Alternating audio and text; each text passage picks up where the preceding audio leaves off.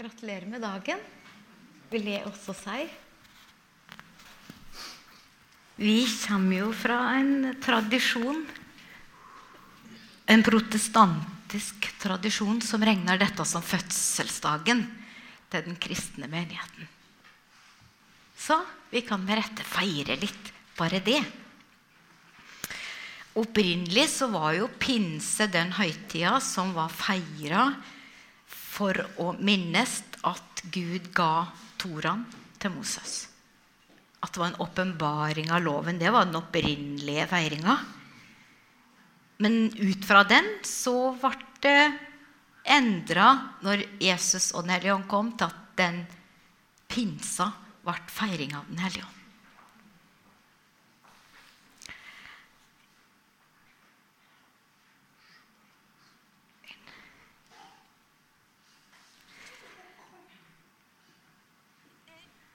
Jeg gleder meg til å ha denne undervisninga her, og samtidig så er det litt spennende. Veldig fint med lovsangen, Elin. Tusen takk. Og takk til oss alle at vi gir fokus til Jesus og til Gud og Den hellige ånd i våre samlinger. Det vil vi. Menigheten står det her på skjermen. Kanskje tilbake til urkristendommen. er det som ligger aller mest på hjertet mitt i dag.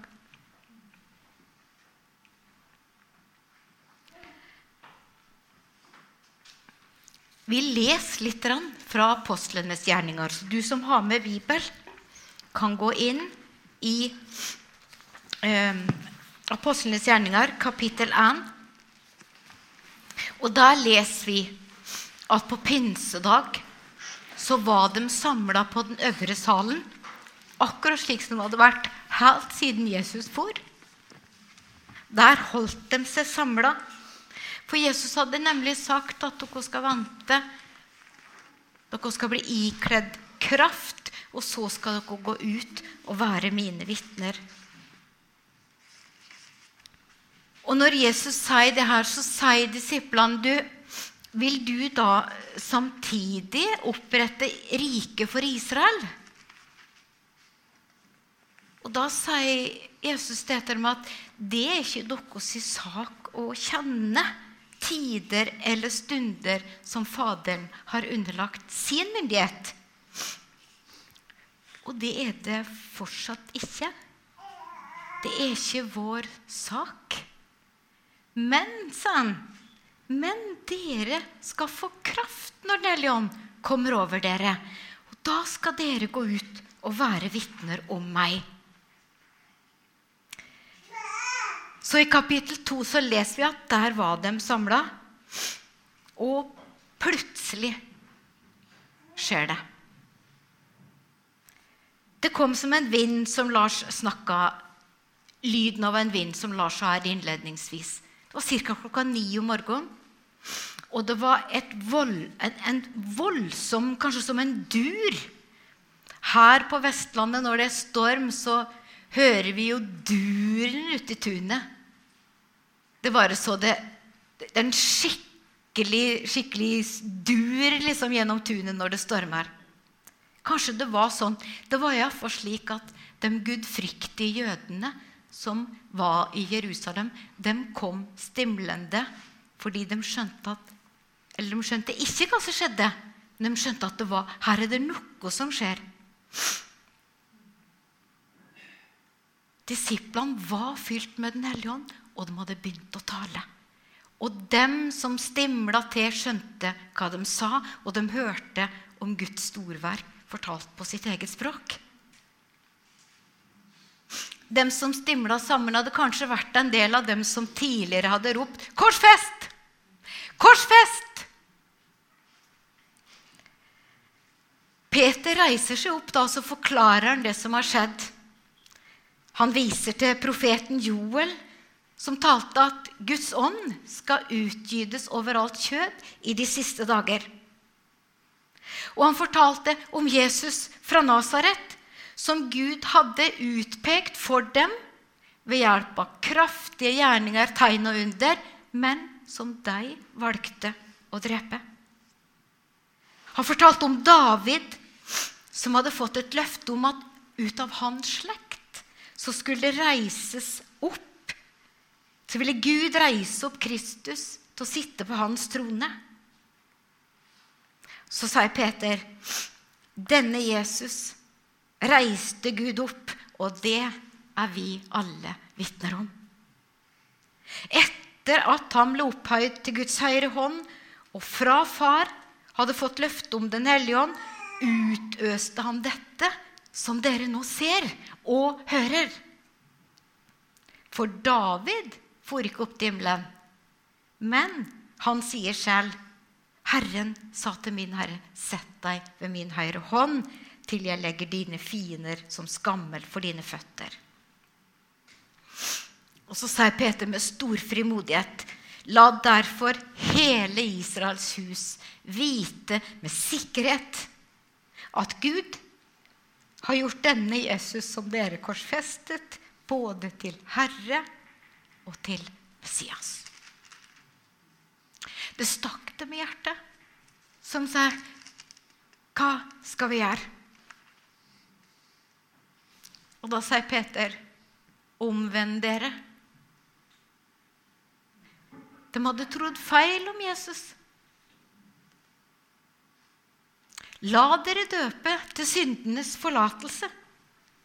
For den vantroen, for den feiltagelsen, for det kunne de få tilgivelse. Og dere skal få Den hellige ånds gave. For løftet fra Joel tilhører dere og deres barn og alle som er langt borte. Her er vi inkludert så mange som Herren vil kalle til seg. Og dem som tok imot ordet, dem blei døpt. Og det var ca. 3000 sjeler som var lagt til den dagen. Og de holdt hele tida fast, urokkelig fast. Undervisninga, fellesskapet, brødsbrytelsen og bønnene, som vi leser om i kapittel 2, vers 42. Og de holdt seg daglig med samstemt sinn i tempelet. Og de brøt brødet i hjemmene. De spiste sin mat med glede og hjertes oppriktighet. Hele tiden lovet de Gud og hadde velvilje hos folket. Daglig la Herren dem som ble frelst, til menigheten. Vi ser en levende menighet som vokser fram.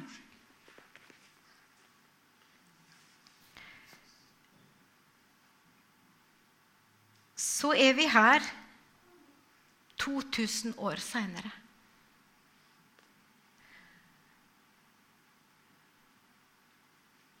Den amerikanske filosofen Dallas Wallard, Willard sier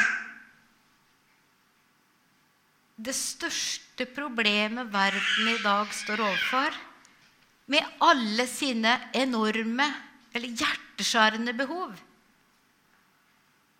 det er om de som blir identifisert som kristne, vil bli disipler av Jesus Kristus og stadig lære av ham hvordan de skal leve livet til himlenes rike. Hvordan leve livet til himlenes rike? Jesus han starta sin eh, forkynnelse med å si 'omvend dere'. For himmelens rike er kommet nær, sa han i Matteus 4, 17. Og så sa han i Lukas 4, 18 i sin på en måte tiltredelsestale at Herrens ånd er over meg. For han har salvet meg for de til å forkynne evangeliet for de fattige. Han har sendt meg for å helbrede dem som har et søndeknust hjerte for å rope ut frihet for fanger, og for at blinde skal få syn igjen. For å sette undertrykte i frihet. For å rope ut et nådens år fra Herren. Et møte med Jesus er det som kan møte alle de hjerteskjærende behovene i dag. Og Jesus sa det i Matteus 28 at meg er gitt all makt nå, i himmel og på jord. Gå derfor dere ut, gjør alle folkeslag til disipler, mens dere døper dem til Faderen og Sønnen og Den hellige ånds navn. Og lærer dem å holde alt jeg har befalt dere. Og se, jeg er med dere alle dager inn til verdens ende.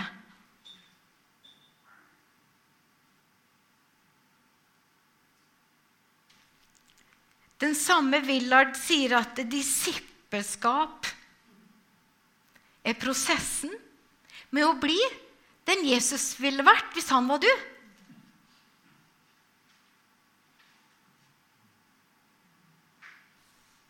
Den Jesus ville vært hvis han var du. Hva er da et menneske? Jesus kom og var menneske. Og vi er mennesker. Vi er mennesker skapt i Guds bilde. Vi er skapt til relasjon. Vi ble gitt råderett over dyra og over jorda. Merk ikke andre mennesker. Vi fikk delegert myndighet, herredømme. Ja, vi fikk på en måte administrasjonen av jorda. Den skulle vi stå for. Og vår evne til å da administrere det som skjer på jorda hvor, hvor, godt vi gjør det, vil jo avhenge veldig da av om vi har kontakt med hodet. Om vi har kontakt med Han som er full av godhet. Han som elsker alle mennesker. Vår evne til å relatere til Gud. Og David, i forbindelse med bygging av tempelet, så kom jo folk villig med alle sine gaver, og, de ga av glede. Og i Davids lovprisningsbønn så takker han Gud for folket som ofret villig av et helt hjerte. Og så ber David bevar denne viljen i tankene til ditt folks hjerte for evig, og la deres hjerte være rettet mot deg. Og vi har et sitat fra Paulus i 2. Korinterbrev 8, der han sa at de ga seg over de ga seg Korinterne ga seg mye mer enn det de kunne forvente eller det de hadde håpa på. Men de ga seg selv først til Herren, og så til oss.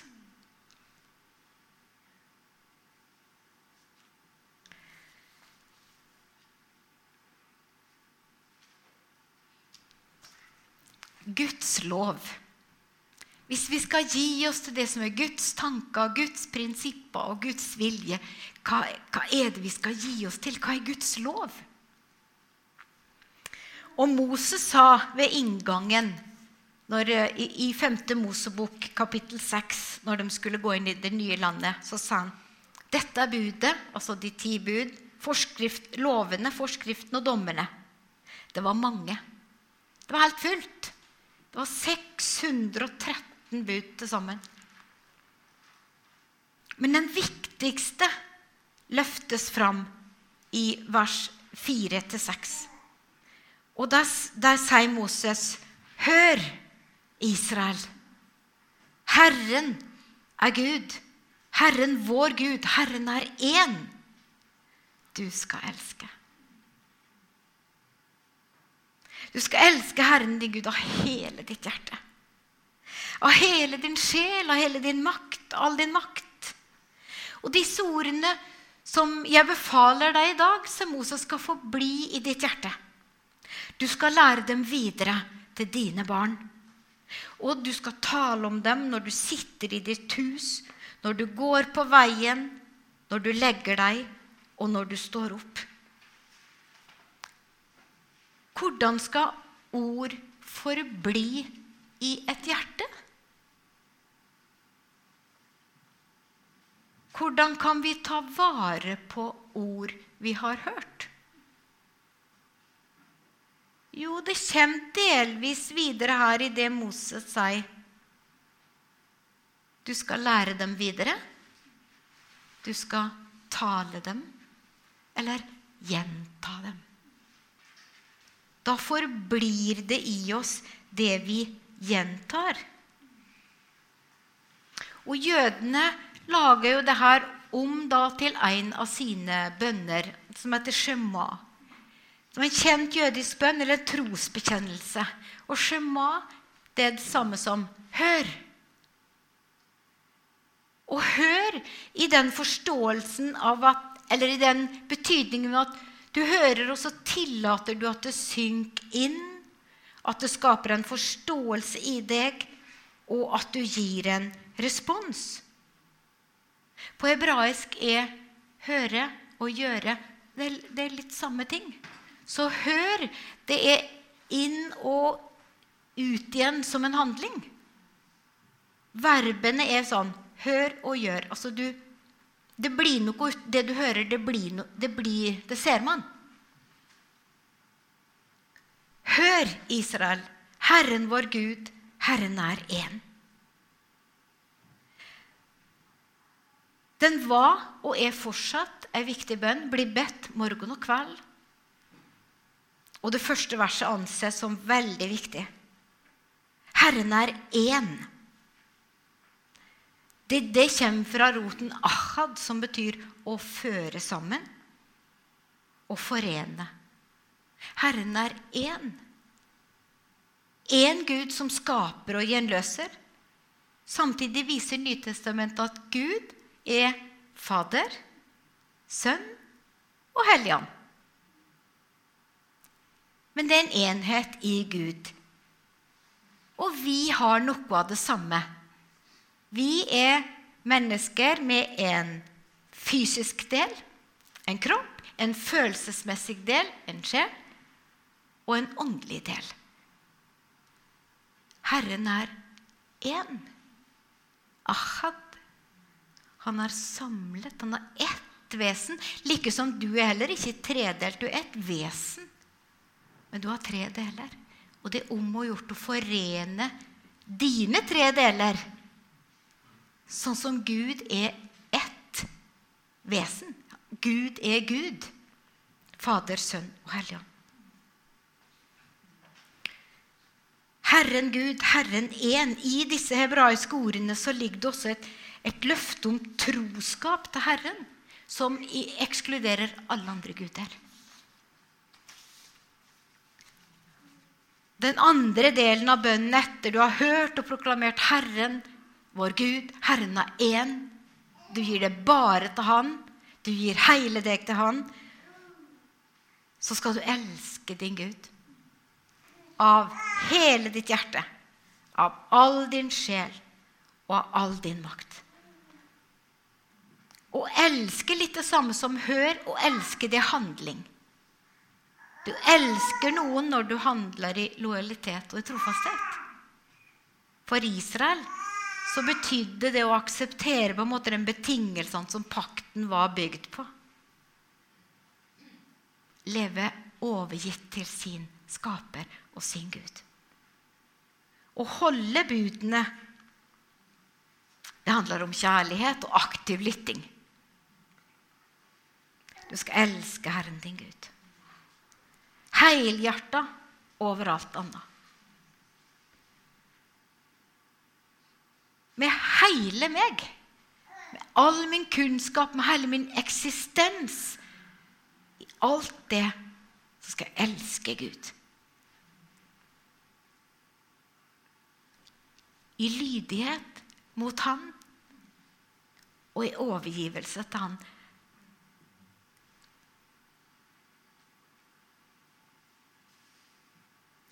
Forbli. La ordene forbli. Vi så de hadde, eh, Det ble ei bønn som heter Shema.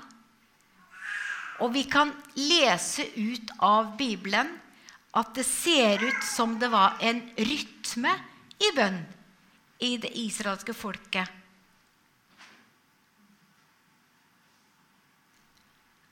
I versene fra Moses så snakka han om å tale om disse ordene når du legger deg, og når du står opp. Når du går på veien, og når du sitter i ditt hus. Når du legger deg og står opp, det er to ganger.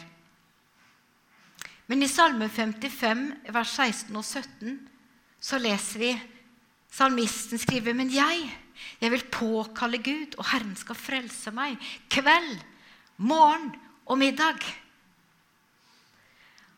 Og Noen hundre år seinere leser vi om Daniel i kapittel 6, 11, der han var blitt satt på valg.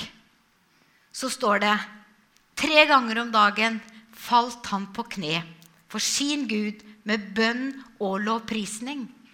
For slik hadde han alltid gjort.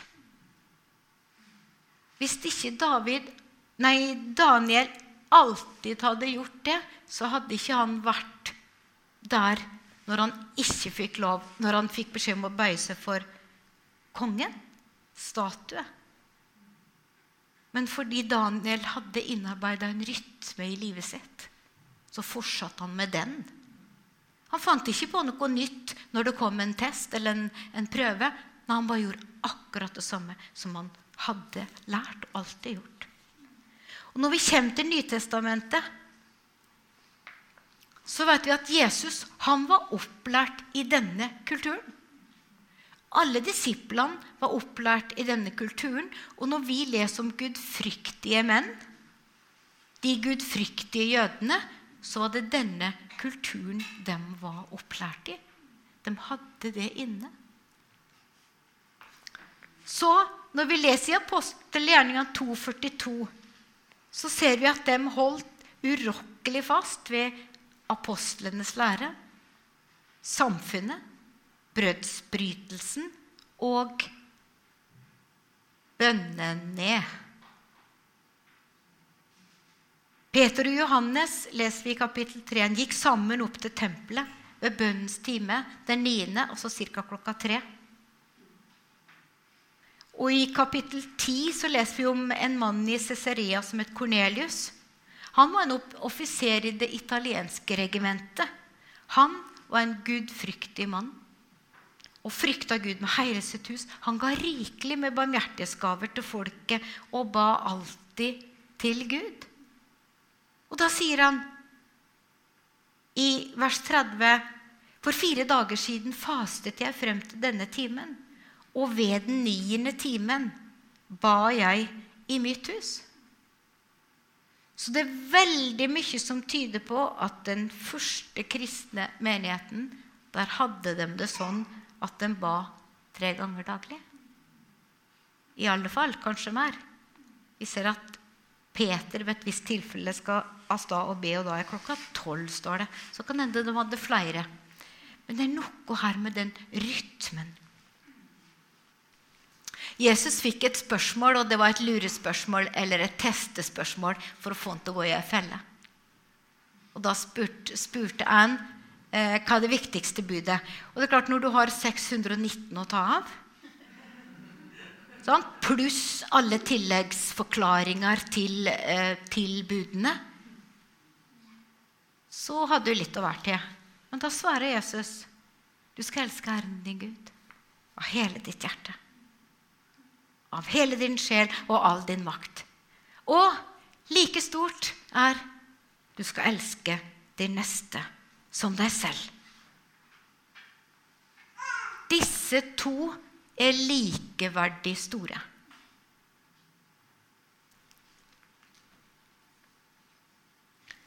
Jødene hadde flere bønner, og de hadde ei, ei lovprisningsbønn som heter Kadish en lovprisningsbønn. Store norske leksikon sier det at den bønna er retta til Gud, og den bekrefter troen på Guds hellighet og ber om at Hans rike på jorda vil bli gjenoppretta. Og Kaddish resiteres på arameisk i forbindelse med Torastudier, de daglige bønnene og gudstjenesten i synagogen.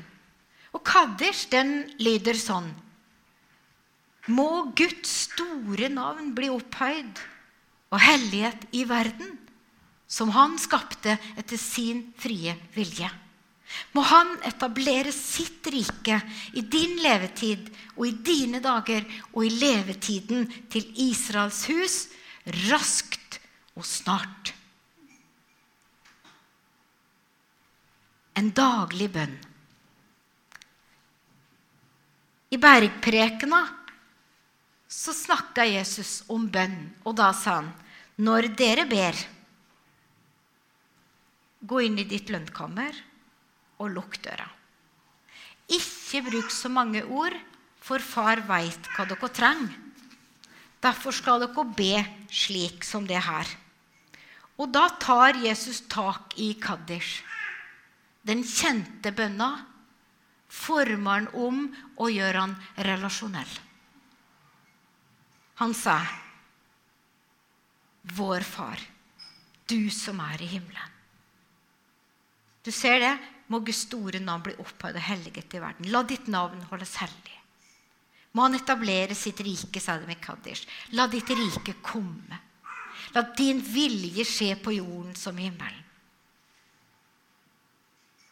Gi oss i dag vårt daglige brød, tilgi oss vår skyld, slik også vi tilgir våre skyldnere. Og led oss ikke inn i fristelse, men frels oss fra det onde. For riket er ditt, og makten og æren i evighet. Når dere ber, skal dere si:" Vår Far, du som er i himmelen. La ditt navn holdes hellig. La ditt rike komme. La din vilje skje. Hele den delen er fokusert på Gud. Korresponderer rett imot du skal elske Herren din Gud av hele ditt hjerte, av hele din sjel og all din makt. Den, når, når, vi ber seg Jesus, så skal vi fokusere på ham. Hans rike, hans agenda, hans vilje. Hans gode tanker. Og at vi, vi skal el, Når det står at vi skal elske, så betyr det at vi gir oss helhjerta, fokusert med hele oss. Ånd, kropp og sjel er samla og fokusert. Andre delen så fokuserer det på oss. Og har du tenkt over det at det står ikke 'meg'?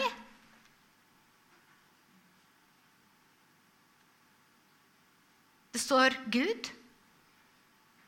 Men så står det ikke 'gi meg mitt daglige brød'. Gi meg, gi meg, gi meg. Nei, det står 'gi oss'. Andre del av bønna handler om vårt daglige brød.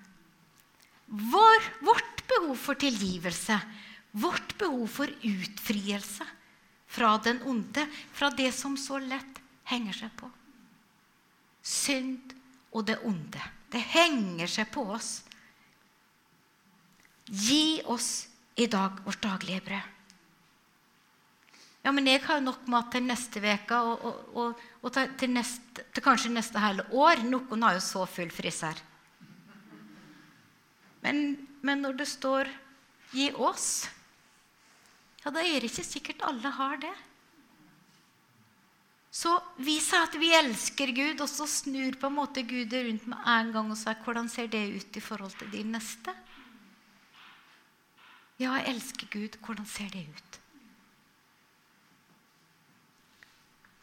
Jeg trenger tilgivelse. Å ja, å ja, det trenger alle.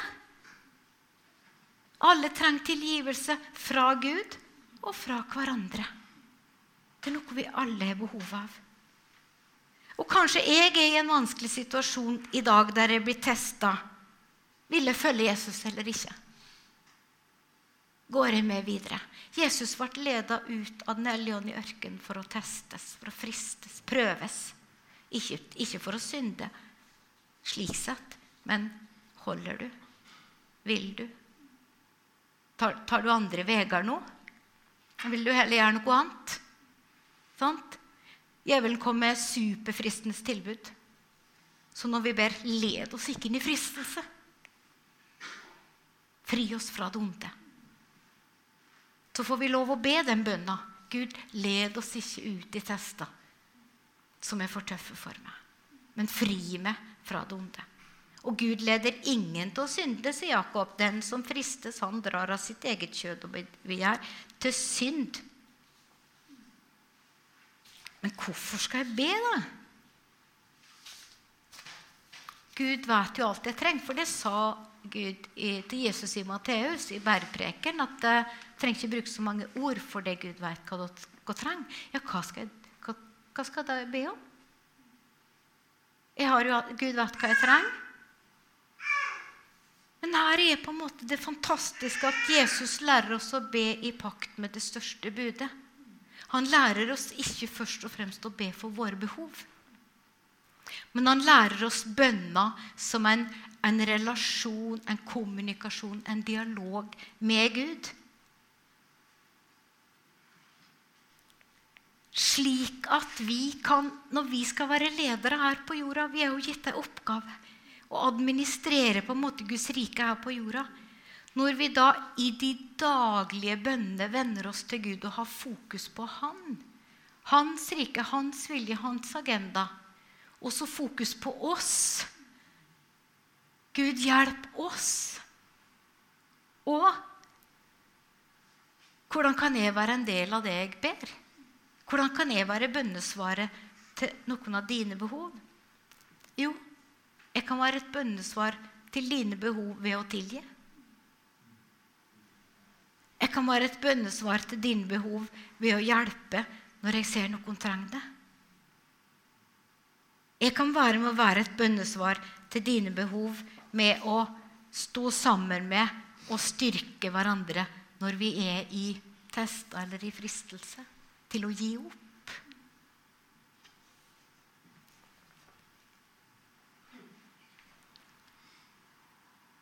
Når vi ber slik Jesus lærte oss, så forholder vi oss til Gud. Vi, vi er engasjert i Hans sitt rike.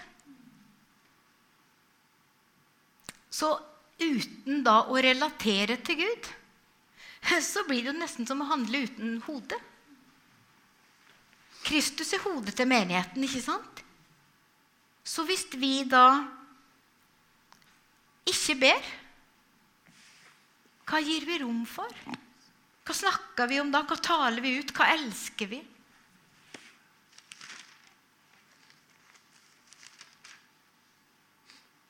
Hvorfor be? Bønn er hengivenhet. Bønn er lojalitet. Bønn er tid sammen. Og Johannes Hartel som har starta en del bønnehus i Tyskland, han sa at om du ikke kan elske, så kan du heller ikke be. For bønn er å elske. Å lære å be, det er å lære å elske. Og han, Dallas Willard sa at det første steg i å elske, det er alltid å gi oppmerksomhet. Les tid.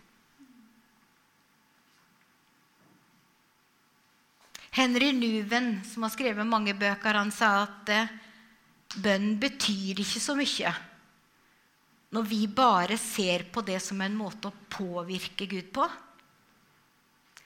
Som et åndelig sikkerhetsnett. Eller som et tilbud om trøst i perioder da jeg er stressa. Nei, bønn er en handling der jeg kvitter med meg alt, all annen tilknytning der jeg blir fri til å tilhøre Gud og Gud alene.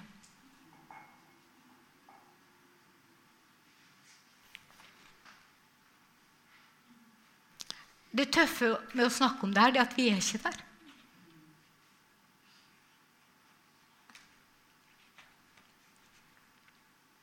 Iallfall for mitt eget liv så må jeg være ærlig på at jeg er ikke der. Derfor er det tøft å snakke om det. Men nå ønsker vi på en måte å snakke om det å være ærlig mens vi er i prosess. Vi ønsker å gå dit. Vi ønsker å komme oss dit at bønn er en del av livet. Der jeg kvitter meg med all annen tilknytning og lar bli fri til å tilhøre Gud og Gud alene. Han pave Benedikt 8, eh, blir det det? 9. XVI. Det står stilt for meg nå. Men paven han sier det. Den åndelige krisen som rir over den vestlige verden, er den mest alvorlige etter Romerrikets fall i det femte århundret. Lyset fra kristendommen blafrer over hele den vestlige halvkule.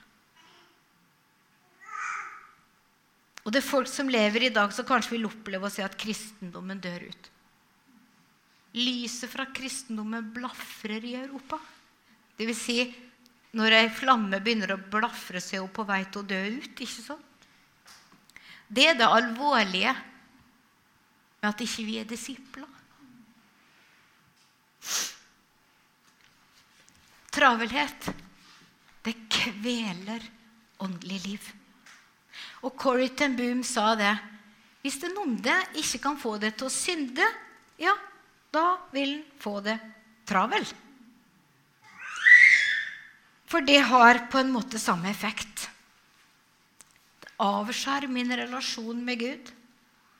Det avskjærer min relasjon med andre. Og det avskjærer min relasjon med min egen sjel. Hva er mine viktigste verdier? Hva er det jeg gjør først? Det jeg gjør først, det viser mine viktigste verdier. Og så løfter vi her et ordet 'søk først Guds rike' og hans rettferdighet, så skal du få alt det andre i tillegg. Det er et ord vi setter høyt. Men jeg der når jeg ser på min bruk av tid? Om jeg vil ha Jesu type liv, så må jeg adoptere hans livsstil. Jesus gikk. Han løp aldri og han ba ofte. Jesus ønsker å gi oss kjærlighet, glede og fred. Det er ikke forenlig med å være travel. Og samme Dallas Millard sier at uh, vær nådeløs i forhold til det å fjerne travelhet. Vi snakker om Martha og Maria. At Martha valgte den gode del. Og Martha hun satte seg ned Maria satte seg ned ved Jesu føtter og lytta. Det vil si at hun var på ett sted, og alt skjedde på det stedet. Hun ga tid til det. Mar Martha hun lytta mens hun holdt på med det hun skulle. Hun var nok lyttende. Og litt sånn Når noen har spurt meg om bønn, så har jeg sagt at ja, men jeg ber hele tida. Som nummer to ting i forhold til det, det jeg skal gjøre. Skjønner dere? Jeg gir ikke isolert tid til Gud. Jeg gir ikke unik tid til Gud. Jeg er litt som Martha. Jeg holder på, og jeg, og jeg snakker med Jesus og, og, og, sånn. Men det er mer sånn Kjære Jesus. Kjære Jesus. Mm, kjære Jesus. Sånn er mitt bønneliv veldig mye. Det kan være gjennom hele dagen, og det er ikke noe feil med det. Men jeg tror det gir ikke det resultatet som urkristendommen viser. Nordvestkirka ber vi Den første menigheten ba mye. Og daglig ble det lagt disipler til menigheten.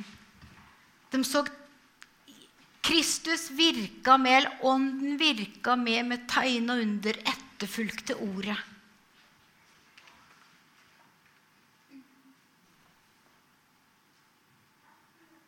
Hvordan kan vi hjelpe hverandre, da? Hvordan kan vi oppmuntre hverandre. Hvordan kan vi leve ærlig i dette fellesskapet? Og gå en vei dit vi vil, alle sammen. For jeg er overbevist om at alle dere har akkurat samme lengsel som meg. At lære å kjenne deg er min lengtan. Og så er det ikke helt svart-hvitt. Det er ikke helt av eller på det her. Og når jeg sa at det er for lite fokusert tid, så er det mye fokusert tid òg. Men vi ønsker mer. Og vi ønsker mer av det at vi er tilgjengelig for Gud. Og multitasking, det er oppskrytt. De sier faktisk at det går ikke an. Du bare splitter det. Så når sinnet ditt er opptatt med én ting, og så skal være opptatt med en annen ting samtidig, det, det går ikke. Og jeg er helt rå på multitasking. Jeg pusser ikke tennene engang uten å gjøre noe annet samtidig. Men det gjør òg at jeg har problemer med å falle til ro. Så det å, det å sette meg ned og bare være stille, bare være sammen med Jesus, ikke noe annet øv, det, Jeg må øve meg på det. Så vi har lyst til å oppmuntre framover til å gå en vei litt i lag. Så kan denne noen av dere har gode vitnesbyrd og gode ting å dele fra hvordan dere gjør det i relasjon med Jesus, for å høre fra han, høre mer fra han. ikke sant? Men vi ønsker å invitere til kunne vi sammen tenkt oss ei daglig rytme framover der vi ber til Gud? Starte med én gang hver dag. Og USA 24-7 de har et forslag på På kvelden så kan du be ut fra salmene. Og på kvelden så takker du Gud. Velg en salme, les den som ei bønn. Så på morgenen kan du be Fader vår. Og når du ber Fader vår, så kan du be Far, du som er. Når Jesus gikk gjennom eh, hvordan de skulle be i svar på spørsmål fra disiplene, så sa, han, så sa han egentlig ikke 'Fader vår, du som er i himmelen', men han sa 'Far, du som er'. Og kjenner vi det, du som er? Jeg er, som er Guds store navn. Så vi kan si 'Far, du som er'. Du er. Jeg anerkjenner det. Du er. Uten deg så er ikke jeg. Vi kan be 'Kom med ditt rike'. Nei, la, la, ditt navn holdes hellig. Og la ditt navn holdes hellig. Da kan vi be Gud, la ditt navn være kjent for den du er. Det er så mange misforståelser om Guds navn. Hellighet det blir brukt svært få plasser ellers i vårt språk, men det kan bety unikt. Adskilt. Altså, Gud er unik. Det finnes bare én Gud som Gud. Det kan vi adde inn på Gud.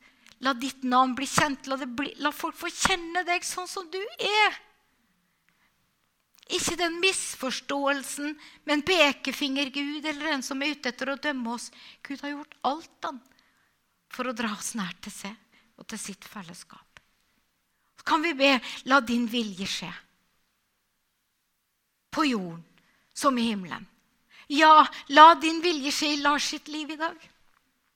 I Peljonny sitt liv i Sølve sitt liv. La din vilje skje, Herre, for Finn Jørgen. La din vilje skje for Daniel. Sånn kan vi be. La din vilje skje i menigheten. La din vilje skje i Hustadvika, på kommunehuset. La din vilje skje. Vi kan edde på de tinga vi bærer på. Men når vi sier 'håndter det du', La din vilje skje. Så lager ikke vi alle løsningene. Vi sier ikke det bør gjøres slik eller slik. Vi bare sier Gud, la din vilje skje. Så vet vi han har bare fredstanker. Han har framtid. Han har håp. Han har ingen tanker til ulykke. Så det å be Guds vilje skje for et menneske, det er det beste vi kan gjøre. Slik kan vi gå i forbønn for hverandre. Gi oss i dag vårt daglige brød. Se til dem i Ukraina som har lite mat for tida. Herre, la dem få sitt daglige brød. Og så sier Jesus et, litt seinere, når han underviser disiplene i Lukas, 5, Lukas 11, i vers 5 Når det kommer noen til deg om natten, og han har behov for brød, så gi han det. Sånn? Er det noe jeg kan gi? Hvordan kan jeg være en del av det bønnesvaret? Og så kan vi be Gud, forlat oss vår skyld, slik som vi tilgir våre skyldnere. Å, Herre, tilgi Lars for det han sa i går. Jeg tilgir den. Jeg lar gå av det som jeg kjente var dårlig der. Så bare kan vi tale ut tilgivelse. Jeg tilgir, jeg lar det gå fra mitt hold, så slipper jeg tak i det i min ende.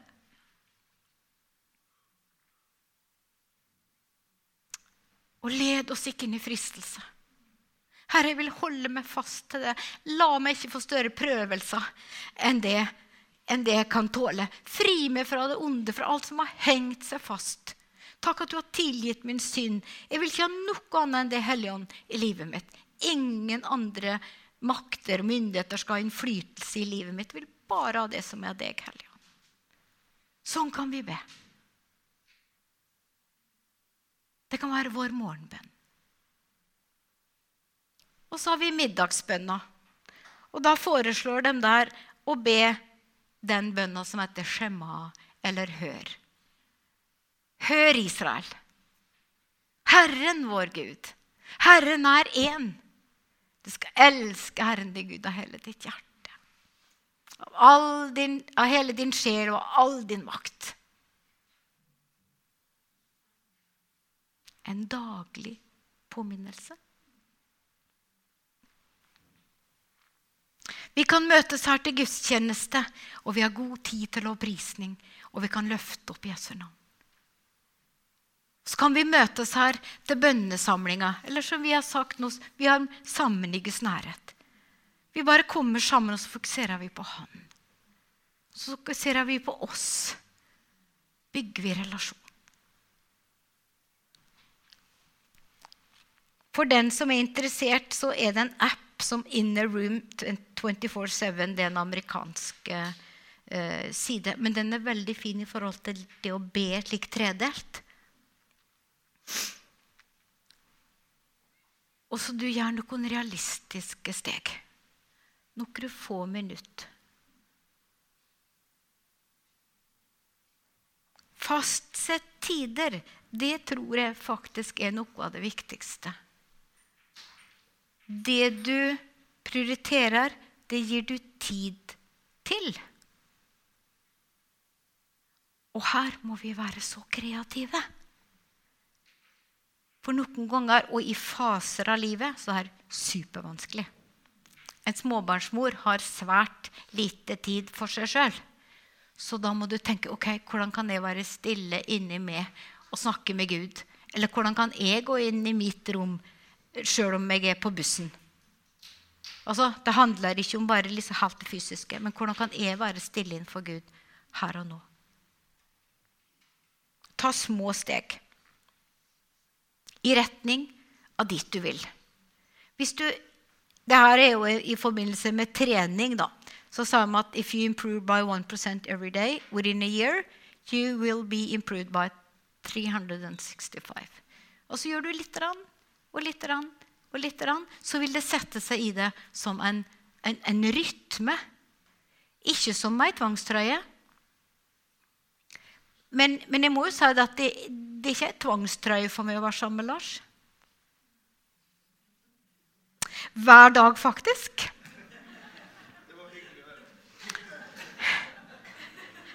Vi, vi, må ikke rote med ting her og tenke at hvis noen sier noe at det her bør du gjøre, ja, da er det tvangstrøye. Det blir litt tullete, det. Så vi må tenke at å være sammen med den vi elsker, er ikke det fint? da? Men det noe om prioriteringa vår. Du skal elske Herren din Gud. Gjør jeg det? Syns det? Og den som sa at Hvis det kommer rettssak, rettssak opp imot det, vil det være nok bevis til at du var en etterfølger av Jesus Kristus? Gud kaller oss til et kjærlighetsfylt fellesskap med seg. Det er bare godt å hente. Og hvorfor tror du det er så vanskelig?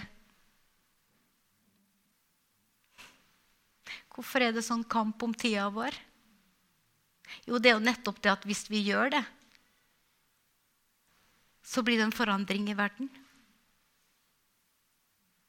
Vi går inn i måneden juni. Som en motreaksjon til det måneden juni blir assosiert med nå, så kan vi velge å gå til Gud i bønn. Tre ganger daglig. Og så trenger vi ikke rope så høyt over, over alle disse flaggene og paradene. Men vi kan gå til Gud, og så kan vi bare være sammen med Han. Elske Han. Det er dit vi vil gi vårt engasjement og fokus. Den første menigheten var der. Urkristendommen. Og hva skjedde? Jo, menigheten vokste. Det var flere som ble kjent med Jesus.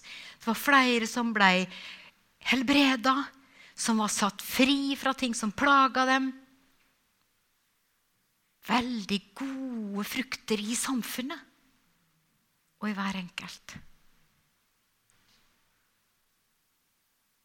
Skal vi sammen velge fellesskap med Gud og hverandre?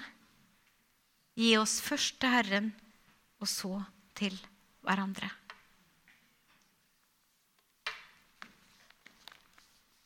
Det er ikke et valg vi som lederskap kan bestemme.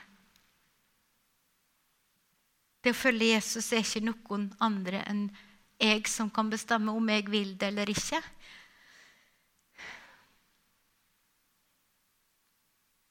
Men kan ikke vi invitere hverandre? da? Kan ikke vi oppmuntre hverandre og si at gjør det? Jeg tror det er bra. Gjør det. Vi begynner på en vei. Vi begynner på en vei der vi gir oss til et liv i bønn, som er et liv i relasjon med Gud. Tid med Gud. Lytte og tale.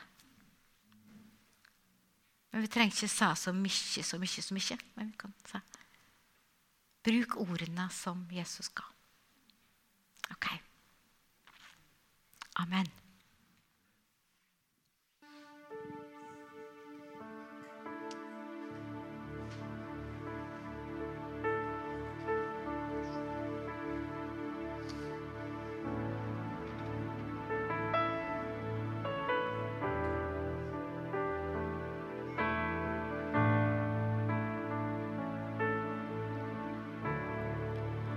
When the music fades and all is stripped away, and I simply come,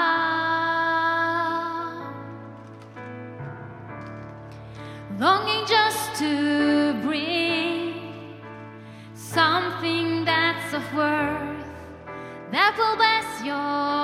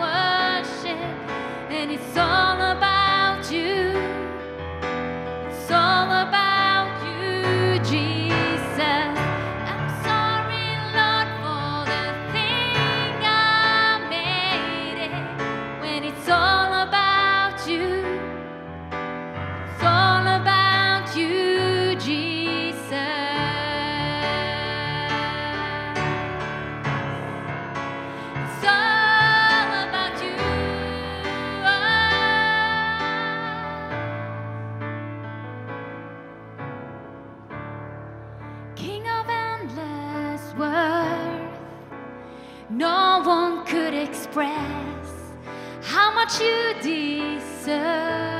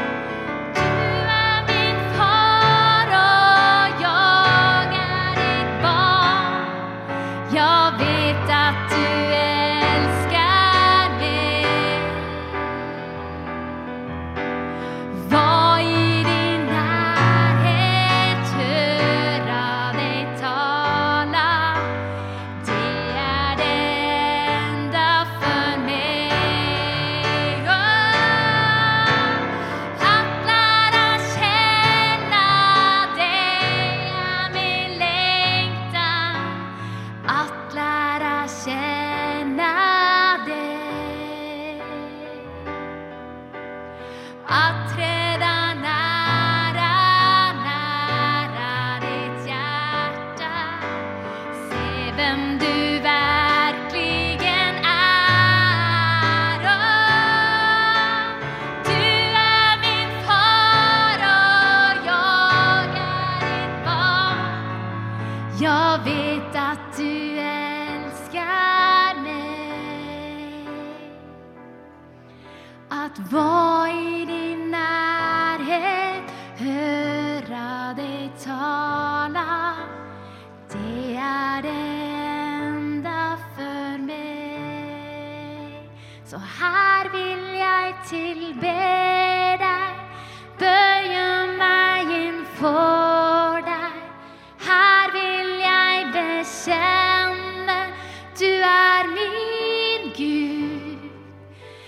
du